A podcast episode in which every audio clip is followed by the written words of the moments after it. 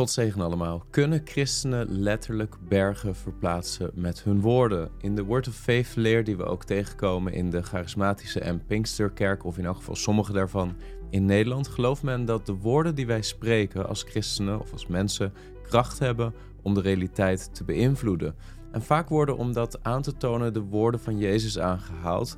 Jezus die gezegd heeft: Als u een geloof hebt zoals een mosterdzaad, zou u tegen deze berg zeggen: Verplaats u van hier naar daar en hij zou gaan.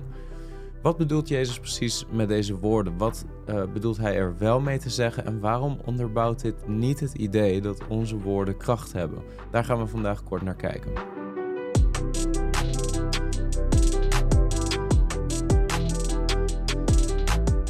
Komen deze uitspraken en vergelijkbare uitspraken van onze Heer Jezus in drie verschillende situaties tegen in de Evangelie. En ik wil alle drie die situaties kort bekijken en je laten zien dat de Heer Jezus met deze uitspraak niet bedoelt te zeggen dat onze woorden kracht hebben. Uh, we beginnen te lezen een uh, incident in Matthäus 17, vers 19 en 20. Daar staat: Toen kwamen de discipelen bij Jezus en zeiden, toen zij alleen waren waarom konden wij hem niet uitdrijven? Het is goed om heel even stil te staan bij de situatie. De situatie is dat Jezus zojuist met enkele van zijn intieme discipelen, Johannes, Petrus en Jacobus, de berg op is gegaan. Ze hebben de verheerlijking van onze Heer Jezus op de berg gezien. Ze hebben hem gezien in zijn heerlijkheid.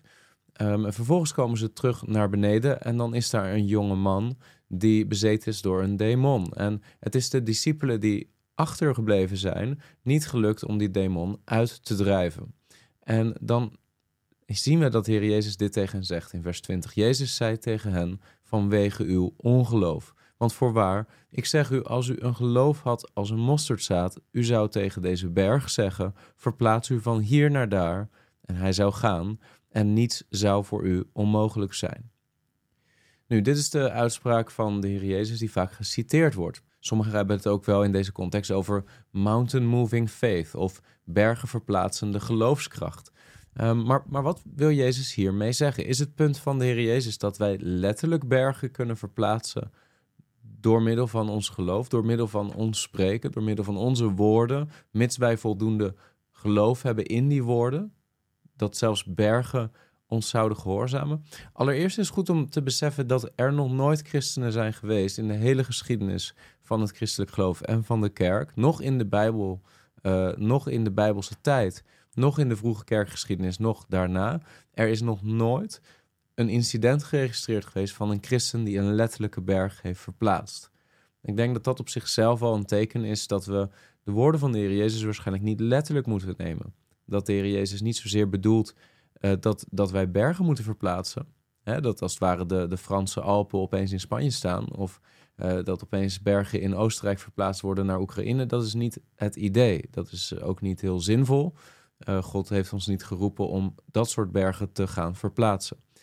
wat, wat Jezus hiermee zegt, en dat is ook wel een gebruikelijke uitspraak, een soort spreekwoord in de tijd waarin de Jezus leeft, is dat de, de berg symbool staat voor een groot obstakel. Voor een, als het ware, ogenschijnlijk obstakel waar je niet langs kan. Iets wat zo groot is dat het onoverkomelijk lijkt. En wat de Heer Jezus zegt is, als je het geloof hebt als een mosterdzaad, dan zou je tot deze berg zeggen, verplaats u van hier naar daar, hij zou gaan en niets zou voor u onmogelijk zijn. Wat de Heer Jezus hier gebruikt als type is die berg als type beeld voor deze situatie met die demon die de discipelen niet konden uitdrijven. En voordat je gaat denken dat dus kennelijk het idee wat de Heer Jezus wil geven aan zijn apostelen, aan zijn discipelen, is dat wat ze ook maar bedenken zelf te zeggen, mits zij voldoende geloven in hun eigen woorden, zal gebeuren. Dat, dat is niet zozeer de context. Je moet niet vergeten dat de apostelen van Jezus een opdracht en een mandaat hebben gekregen om demonen uit te drijven. Dat lezen we ook in Matthäus hoofdstuk 10. We lezen in Matthäus hoofdstuk 10 vers 1 uh, dat Jezus riep zijn twaalf discipelen bij zich en gaf hun macht over de onreine geesten om die uit te drijven en om iedere ziekte en elke kwaal te genezen. En enkele versen later, in vers 8 van Matthäus 10, daar zegt de Heer Jezus, daar geeft hij ook de opdracht, genees zieken, reinig melaatsen, wek doden op, drijf demonen uit. U hebt het voor niets ontvangen, geef het voor niets.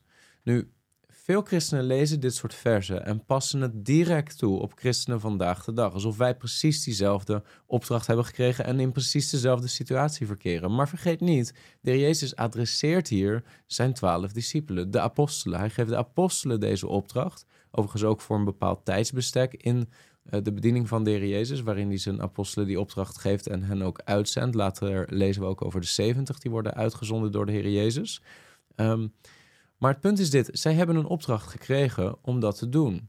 Zij hebben dat mandaat gekregen, ze hebben die taak gekregen. En op het moment dat zij demonen uitdrijven, doen zij dat dus omdat Jezus hen een belofte gegeven heeft dat zij dat kunnen doen. En de opdracht gegeven heeft om dat te doen. In die zin geloven ze niet in hun eigen woorden of in hun eigen kracht. Nee, ze geloven in de woorden die de Heer Jezus hen gegeven heeft. Ze staan in gehoorzaamheid op zijn belofte. Overigens, is het hele punt van het mosterdzaadje om te laten zien dat je niet een groot geloof nodig hebt, maar dat zelfs een klein geloof, in dit geval voor de apostelen, genoeg was geweest. Zij moesten simpelweg vertrouwen op de kracht van God. Zij zijn niet in staat om bergen te verplaatsen en in dit geval ook niet om de demon uit te drijven. Nee, zij moeten beseffen dat het niet afhankelijk is van hen, maar dat het een grote God is en een grote Heer, Jezus Christus, die de kracht vertegenwoordigt om demonen uit te drijven, die het gezag heeft om demonen uit te drijven. En, en, en het is niet afhankelijk van de grootte van hun geloof, maar ze moeten wel een klein geloof hebben om te vertrouwen op de woorden van de Heer Jezus. Dus het idee van Jezus is totaal niet wat je ook maar bedenkt te doen, mits je genoeg geloof hebt in jouw eigen woorden, zal gebeuren, zal de realiteit beïnvloeden. Dat is niet het idee. Het idee is dat je geloof nodig hebt om gehoorzaam te zijn aan de opdracht die God jou heeft gegeven in zijn woord. En de vraag is, en die vraag is niet beantwoord door dit schriftgedeelte, of dat christenen vandaag de dag precies dezelfde opdracht hebben gekregen als de apostelen in die tijd. Ik geloof van niet. Ik geloof dat apostelen een unieke positie hadden, ehm, maar daarover lezen we uh, in andere schriftgedeelten meer. En daar heb ik ook eerder video's over gemaakt. De apostelen hadden een uniek gezag. De apostelen zijn geroepen om um, het evangelie op schrift te stellen. De apostelen zijn geroepen om het fundament te vormen door middel van het schrijven van de Bijbel van de gemeente en hebben daarvoor een extra gezag gekregen. En dat gezag is ondersteund door wonderen en tekenen. Um, dat gezegd hebbend, is deze uitspraak nog steeds van toepassing. Ook wij als christenen hebben vandaag de dag geloof nodig om te kunnen wandelen naar de wil van God. En ook wij worden opgeroepen om in de kracht van de Heilige Geest te wandelen en niet in de kracht van onszelf te vertrouwen, nog in de kracht van onze eigen woorden. Wij moeten geloof hebben om te vertrouwen dat God ons de kracht zal geven om die dingen te doen waartoe, waartoe Hij ons geroepen heeft. En daarin zijn wij als het ware vergelijkbaar met de apostelen. En zijn ook wij opgeroepen om geloof te hebben als een mosterdzaadje. We lezen verder naar een tweede situatie. Die vinden we in Lucas hoofdstuk 17. Lucas 17, vers 3. Daar staat: Wees op uw hoede. Als nu uw broeder tegen u zondigt, bestraf hem. En als hij tot inkeer komt, vergeef hem. En als hij zevenmaal per dag tegen u zondigt en zevenmaal per dag naar u terugkomt en zegt: Ik heb berouw, dan zult u hem vergeven. En de apostelen zeiden tegen de Heer: Vermeerder ons geloof, vermeerder ons het geloof. En de Heer zei: Als u een geloof had als een mosterdzaadje, zou u tegen deze moerbijboom zeggen: Word ontworteld en in de zee geplant. En hij zou u gehoorzamen. Nu, hier spreekt de Heer Jezus niet over een berg, hij spreekt over een moerbijboom. Maar het idee is in feite uh, hetzelfde. Het idee is, um, dingen die ogenschijnlijk onmogelijk zijn, zijn mogelijk op het moment dat je vertrouwt in God. In dit geval is de context, en ik geloof dat vers 5 en 6 horen bij de eerdere versen 3 en 4. De context is vergeving. Vergeving schenken aan jouw broeder. Op het moment dat je broeder of zuster in de gemeente tegen je heeft gezondigd, uh, zeven maal per dag en zeven maal per dag naar je toe komt en zegt ik heb berouw, dan moet je die broeder of zuster vergeven. Dat is onderdeel van het christelijk leven. Dat lijkt een onmogelijke opdracht, want wij zijn van nature niet in staat uit onszelf, uit onze eigen kracht, om anderen op die manier te vergeven, om zo'n bijna onvoorwaardelijke vorm van vergeving te schenken. Um, van nature zijn we geneigd tot bitterheid op het moment dat mensen steeds tegen ons blijven zondigen. Dus hier is een bovennatuurlijke liefde nodig, een bovennatuurlijke kracht nodig om ons te bevrijden van onze zondige natuur, die als het ware geneigd is om verbitterd te raken als iemand steeds opnieuw tegen ons zondigt, ons pijn doet, ons kwetst. En dan zeggen de discipelen, de apostelen, vermeerder ons geloof. Help ons om meer geloof te hebben, zodat wij kunnen doen wat u van ons vraagt. En dan zegt de Heer Jezus, je hebt niet een groot geloof nodig, maar je hebt een klein geloof nodig om te vertrouwen op mij. Dat ik je de kracht zal geven om gehoorzaam te zijn aan datgene waartoe ik je geroepen heb. zelfs deze moerbijboom, die in dit geval dus symbool staat voor bitterheid, die zal je gehoorzamen op het moment dat je vertrouwt op mij. Een christen is geroepen om te geloven in de kracht van God om bitterheid te overwinnen. Zoals we zien is het ook in dit geval zo dat we niet opgeroepen worden om maar te geloven in willekeurige woorden die in ons opkomen en de kracht daarvan en dat als het ware te proclameren en daarmee de realiteit te beïnvloeden. Dat is niet het idee. Het idee is net zoals met de apostelen en het uitdrijven van de demon. Ik heb jullie geboden gegeven. Ik heb jullie opdracht gegeven. Ik heb jullie mijn wil bekend gemaakt. Wees daaraan gehoorzaam en ik zal je de kracht geven om gehoorzaam te zijn. Dat is voor ons als christenen de applicatie, de toepassing van deze twee gedeelten. En dan gaan we nu naar een derde situatie. En dat is misschien wel de meest diepe, de meest interessante situatie waarin Jezus het heeft over het verplaatsen van bergen um, door middel van geloof. We lezen Marcus hoofdstuk 11, een wat groter gedeelte, omdat de context heel belangrijk is hier. Marcus hoofdstuk 11 vanaf vers 12. Daar lezen we, en de volgende dag, toen zij uit Betanië gingen, kreeg hij honger. En toen hij in de verte een vijgenboom zag, die bladeren had, ging hij erheen om te zien of hij er ook iets aan zou vinden. En erbij gekomen vond hij niets dan bladeren, want het was niet tijd voor vijgen. En Jezus antwoordde en zei tegen hem: Laat niemand meer vrucht van u eten in eeuwigheid. En de discipelen hoorden het. Dit is even goed om te beseffen. Veel mensen, ook christenen, lezen dit, uh, begrijpen niet wat hier gebeurt, lezen verder, staan er niet bij stil. Maar wat hier gebeurt, is heel diep. En straks zul je zien wat het te zeggen heeft. Want die vijgenboom is niet een soort willekeurige vijgenboom waar Jezus als het ware boos op is omdat er geen vrucht aan hangt terwijl hij honger heeft. Er zit hier een diepere lading in, een diepere betekenis. En die is belangrijk ook om straks te begrijpen wat Jezus zegt wanneer hij het heeft over het verplaatsen van bergen. We lezen verder. Ze kwamen in Jeruzalem. Vers 15. En toen Jezus de tempel binnengegaan was, begon hij hen die in de tempel verkochten en kochten naar buiten te drijven. En de tafels van de wisselaars en de stoelen van hen die de duiven verkochten, keerde hij om. En hij liet niet toe dat iemand enig voorwerp door de tempel droeg.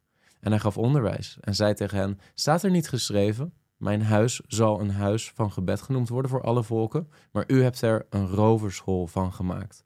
En de schriftgeleerden en de overpriesters hoorden het en zochten naar een manier om hem om te brengen, want ze waren bevreesd voor hem, omdat heel de menigte versteld stond over zijn onderricht. En toen het laat geworden was, gingen naar buiten de stad uit. En toen zij er s morgens vroeg voorbij gingen, zagen zij dat de vijgenboom verdord was van de wortels af. En Petrus, die het zich herinnerde, zei tegen hem: Rabbi, kijk, de vijgenboom die u vervloekt hebt, is verdord, is uitgedroogd. Jezus antwoordde en zei tegen hen: Heb geloof in God. Want voorwaar ik zeg u, wie tegen deze berg zal zeggen: Word opgeheven en in de zee geworpen, en niet zal twijfelen in zijn hart, maar zal geloven dat wat hij zegt gebeuren zal, het zal hem gebeuren wat hij zegt. En dat is de, de laatste situatie die ik wil bekijken, waarin de Heer Jezus spreekt over het spreken tot deze berg. Niet, niet bergen in algemeenheid, maar deze berg wordt opgeheven en in de zee geworpen en niet zal twijfelen in zijn hart, maar zal geloven dat wat hij zegt zal gebeuren. Het zal hem gebeuren wat hij zegt. Welke berg is het waar Jezus over spreekt? Want hij heeft het niet over een berg. Hij zegt deze berg. Wie zal spreken tot deze berg wordt opgeheven en in de zee geworpen? Nou, om dat te begrijpen, moeten we denk ik terug naar wat er gebeurt met de vijgenboom. Want ik zei, Jezus spreekt niet zomaar op een willekeurig moment tot een willekeurige vijgenboom. Hij is niet zomaar op een willekeurig moment boos omdat die vijgenboom geen vrucht draagt. De vijgenboom staat symbool hier voor ongelovig Israël.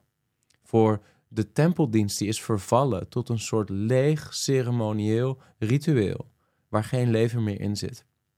Het staat symbool voor het feit dat Israël zo lang de tijd heeft gekregen om vrucht te dragen en de leiders van Israël, de religieuze leiders, zo lang de tijd hebben gekregen om vrucht voort te brengen en toch geen vrucht hebben voortgebracht. En de Heer Jezus vervloekt dat systeem, dat oud-testamentisch ceremonieel systeem, wat op het punt staat te verdwijnen. Jezus vervloekt het. En daar staat die vijgenboom in feite symbool voor. Die vijgenboom die verdroogt vervolgens vanaf de wortels tot aan de wortels. En we zien dat die vijgenboom afsterft.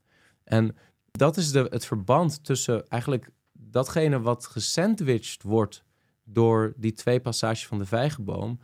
Wat daartussen staat, dat, dat is de geschiedenis van de tempel. Jezus die binnenkomt in de tempel en ziet dat als het nog steeds de mensen daar in de tempel niet daadwerkelijk op zoek waren naar God, maar bezig waren met hun eigen aardse, vleeselijke interesses. Een rovershol hadden gemaakt van het huis wat een huis van gebed zou moeten zijn. En die vijgenboom staat symbool voor dat systeem, voor dat lege religieuze systeem wat God de rug toe heeft gekeerd. En vervolgens zegt Jezus dit.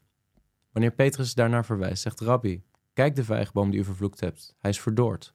En precies dat gaat ook gebeuren met Jeruzalem. De, de, de tempeldienst is verdroogd. Ehm, de religieuze leiders hebben God de rug toegekeerd, zijn in ontrouw vervallen. Ze staan op het punt de Messias, de Christus, te gaan kruisigen. Wat natuurlijk een ultiem, een ultiem teken is van het feit dat ze de levende God hebben misgelopen. En zich tegen de levende God hebben gekeerd. En vervolgens zegt Jezus: Heb geloof in God, want voorwaar ik zeg u wie tegen deze berg zal zeggen: Wordt opgegeven en in de zee geworpen, en niet zal twijfelen in zijn hart, maar zal geloven dat wat hij zegt zal gebeuren. Het zal hem gebeuren wat hij zegt. Wat is de context? Jezus zegt tegen Petrus: Deze berg zal opgeheven worden en zal in de zee geworpen worden. Overigens vinden we ook in het boek Openbaring, in een van de hoofdstukken van het boek Openbaring, een passage waar we zien dat er een berg, een brandende berg, in de zee wordt geworpen tijdens het oordeel van een van de bazuinen. En ook dat is een kosmische deconstructietaal, als het ware een symbool van een oordeel wat gaat komen. Een, een berg staat vaak in de Bijbel ook symbool voor een koninkrijk of voor een machthebber of voor een koning. Dat lezen we ook in het boek Openbaring. In dit geval denk ik dat de berg niet alleen maar een spreekwoordelijke betekenis heeft, maar dat Jezus het heeft over deze berg en dat het in dit geval gaat over ongelovig Jeruzalem. Het Jeruzalem wat Jezus afwijst. Het Jeruzalem wat op het punt staat hun Messias te kruisigen. Want wat is de opdracht die Petrus heeft gekregen nadat Jezus is gekruisigd? Nadat de Jezus weer is opgestaan? Nadat de Heilige Geest is uitgestort? Wat gebeurt er? Petrus staat daar voor diezelfde stad waar Jezus op dit moment over zegt. Petrus, je moet tegen die berg gaan zeggen, wordt opgeheven en in de zee geworpen. Jezus zegt het niet op die manier, maar dat is de context. Hij spreekt tot Petrus. Diezelfde Petrus vinden we in Handelingen hoofdstuk 2 en gaat op dat moment het evangelie prediken van bekering en geloof tot diezelfde mensen in Jeruzalem. Tot datzelfde ontrouwe Jeruzalem, tot die stad, tot die berg. En wat lezen we dan? Handelingen 2 vanaf vers 36. Laat dan heel het huis, zegt Petrus aan het einde van zijn prediking. Laat dan heel het huis van Israël zeker weten dat God hem tot een Heere en Christus gemaakt heeft, namelijk deze Jezus die u gekruisigd hebt. Toen zij dit hoorden, werden zij diep in het hart geraakt en zeiden tegen Petrus en de andere apostelen: Wat moeten wij doen, mannen en broeders? En Petrus zei tegen hen: Bekeer u en laat ieder van u gedoopt worden in de naam van Jezus Christus tot vergeving van de zonden. En u zult de gave van de Heilige Geest ontvangen. Want voor u is de belofte, en voor uw kinderen en voor alle die veraf zijn, zoveel als de Heer onze God ertoe roepen zal. En met veel meer andere woorden, woorden, Petrus, die spreekt, hij spreekt tot de berg. Met veel meer andere woorden legde hij getuigenis af en spoorde hij hen aan met de woorden: Laat u behouden uit dit verkeerde geslacht. Petrus zegt als het ware: Deze berg wordt opgenomen en in de zee geworpen. Laat u behouden, want dit gaat gebeuren. En die Petrus die eens zo bang was, dat hij onder druk bezweek, en niet durfde getuigen van zijn betrokkenheid en gebondenheid, verbondenheid aan de Heer Jezus, staat nu hier voor deze berg en spreekt tot deze berg en verkondigt een oordeel tot deze berg. En niet veel later, in het jaar 70 na Christus, weten we dat deze berg inderdaad in de zee is geworpen. Weten we dat de tempel vernietigd is en dat God duidelijk getuigenis heeft afgegeven dat Jezus de Messias is, ook tot dat ongelovig Jeruzalem. Omdat Jezus die vernietiging van de tempel en van Jeruzalem had aangekondigd in zijn olijfbergreden. Samenvattend, je ziet zeker in dat derde incident, de derde gebeurtenis die we hebben bekeken, staat die berg wellicht symbool voor meer dan alleen een spreekwoordelijke berg, voor een onoverkomelijk obstakel. Maar het punt is dit. Jezus heeft ons nooit opdracht gegeven om letterlijke bergen te verplaatsen. En dat is dan ook niet wat we moeten verwachten te doen als christenen. Als dat wel zo zou zijn, dan zou de kerkgeschiedenis. Nou ja, dan zou er of geen enkele christen zijn geweest die dat doel bereikt heeft, want er zijn nog steeds geen bergen verplaatst. Of we hebben Jezus verkeerd begrepen. Ik denk dat we het zo moeten begrijpen dat wanneer Jezus zegt: Als je geloof hebt als een mosterdzaadje, dan zul je tot de berg spreken en hij zal verplaatst worden, is de context dit. Wij zijn geroepen om te wandelen op een bovennatuurlijke manier in de kracht van de Heilige Geest, gehoorzaam te zijn aan de woorden van de Heer Jezus, te wandelen door de Geest.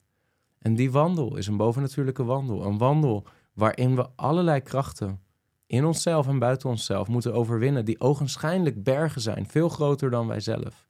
En Jezus zegt: Het hangt niet af van jou. Vertrouw op mij, vertrouw op mijn kracht. Ook al heb jij klein geloof, dat kleine geloof, dat vertrouwen in mij, dat is het enige wat je nodig hebt. Want ik heb de kracht om die obstakels te verwijderen. Ik heb de kracht om jou overwinning te geven. Vertrouw op mij. Wandel in verbondenheid met mij. Ik hoop dat je hier wat aan hebt en dat je gezegend bent door deze uitleg. God zegen. Was deze video nuttig voor jou? Druk dan op like. En wil je vaker dit soort apologetische video's zien? Abonneer dan op dit kanaal. Tot de volgende keer.